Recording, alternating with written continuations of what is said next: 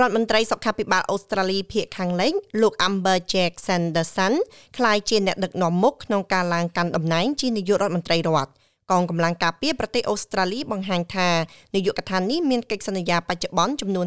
54ជាមួយក្រុមហ៊ុនគណនេយ្យដែលមានបញ្ហា PwC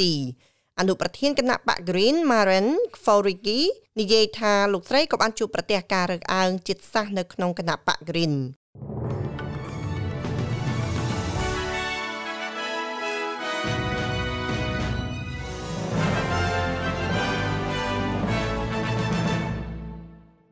រដ្ឋមន្ត្រីសុខាភិបាលអូស្ត្រាលីភាគខាងលិចលោក Amber Jet Sanderson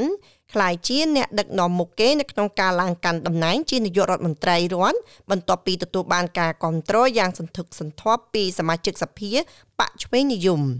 នេះកើតឡើងបន្ទាប់ពីការលាលែងពីតំណែងដ៏គួរឲ្យភ្ញាក់ផ្អើលរបស់នាយករដ្ឋមន្ត្រី Mark McGowan កាលពីម្សិលមិញនៅថ្ងៃទី29ខែឧសភា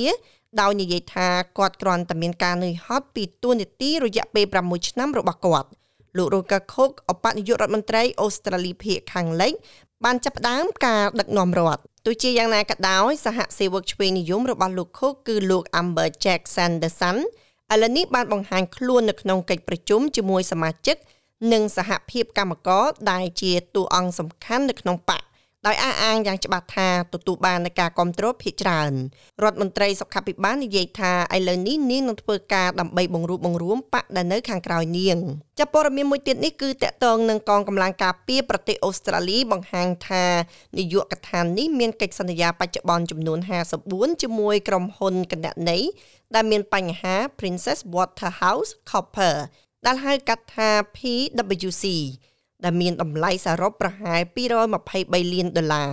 មន្ត្រីការពារជាតិបានប្រជុំមុខនឹងការប៉ាន់ស្មានរបស់ព្រឹទ្ធសភានៅថ្ងៃអង្គារនេះដែលជាផ្នែកមួយនៃការស៊ើបអង្កេតលើទំនាក់ទំនងរវាងព័ត៌មានរសើបរបស់រដ្ឋាភិបាល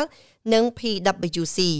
PwC ស្ថិតនៅចំកណ្ដាលនៃរឿងអាស្រូវបន្ទាប់ពីវាត្រូវបានគេបង្ហាញថា បុគ្គលិកជាន់ខ្ពស់ត្រូវបានគេចោទប្រកាន់ថាបានប្រើប្រាស់ព័ត៌មានសម្ងាត់របស់រដ្ឋាភិបាលដើម្បីជួយក្រុមហ៊ុនបច្ចេកវិទ្យាចម្រុះជាតិសាសន៍កិច្ចពន្ធ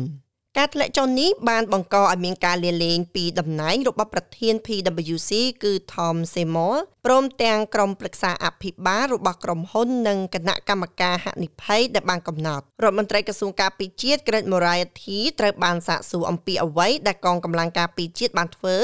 ដើម្បីធានាថាបុគ្គលិកដែលជាប់ពាក់ព័ន្ធនឹងការលេចធ្លាយមិនមែនជាភាគីនៃកិច្ចសន្យាការពីជាតិបច្ចុប្បន្នគាត់និយាយថា PwC បានផ្ដល់ការធានាជាលេខអក្សរ2ដង បន្ទាប់ពីនាយកដ្ឋានក៏កំពុងស្វែងរកព័ត៌មានបន្ថែមផងដែរចាប់ព័ត៌មានមួយទៀតនេះគឺតកតងនឹងកាស៊ីណូយ៉ាក់ក្រោន យល់ព្រមបង់ប្រាក់ពិន័យចំនួន450លានដុល្លារបន្ទាប់ពីខ្លួនមិនបានអនុវត្តតាមច្បាប់ប្រឆាំងការលាងលុយកខ្វក់និងច្បាប់ហិរញ្ញវត្ថុប្រទានប្រឆាំងភេរវកម្មភ្នំពេញ Ground Melbourne និងភ្នំពេញ Ground Pit និយាយថាខ្លួនបានឈានដល់កិច្ចព្រមព្រៀងជាមួយមជ្ឈមណ្ឌលវិភាគនិងរបាយការណ៍ប្រតិបត្តិការអូស្ត្រាលីនៅថ្ងៃអង្គារនេះហើយវានឹងអាស្រ័យទៅលើយុត្តិធម៌របស់តុលាការសហព័ន្ធដើម្បីអនុវត្តការពិន័យ សវនាការរបស់តុលាការសហព័ន្ធត្រូវបានកំណត់សម្រាប់ថ្ងៃទី10និងថ្ងៃទី11ខែកក្កដាឆ្នាំនេះនៅក្នុងសេចក្តីថ្លែងការណ៍មួយនាយកប្រតិបត្តិរបស់ Ground Resort លោក Siaran Carter បានសុំទោសចំពោះការបរាជ័យរបស់ក្រុមហ៊ុន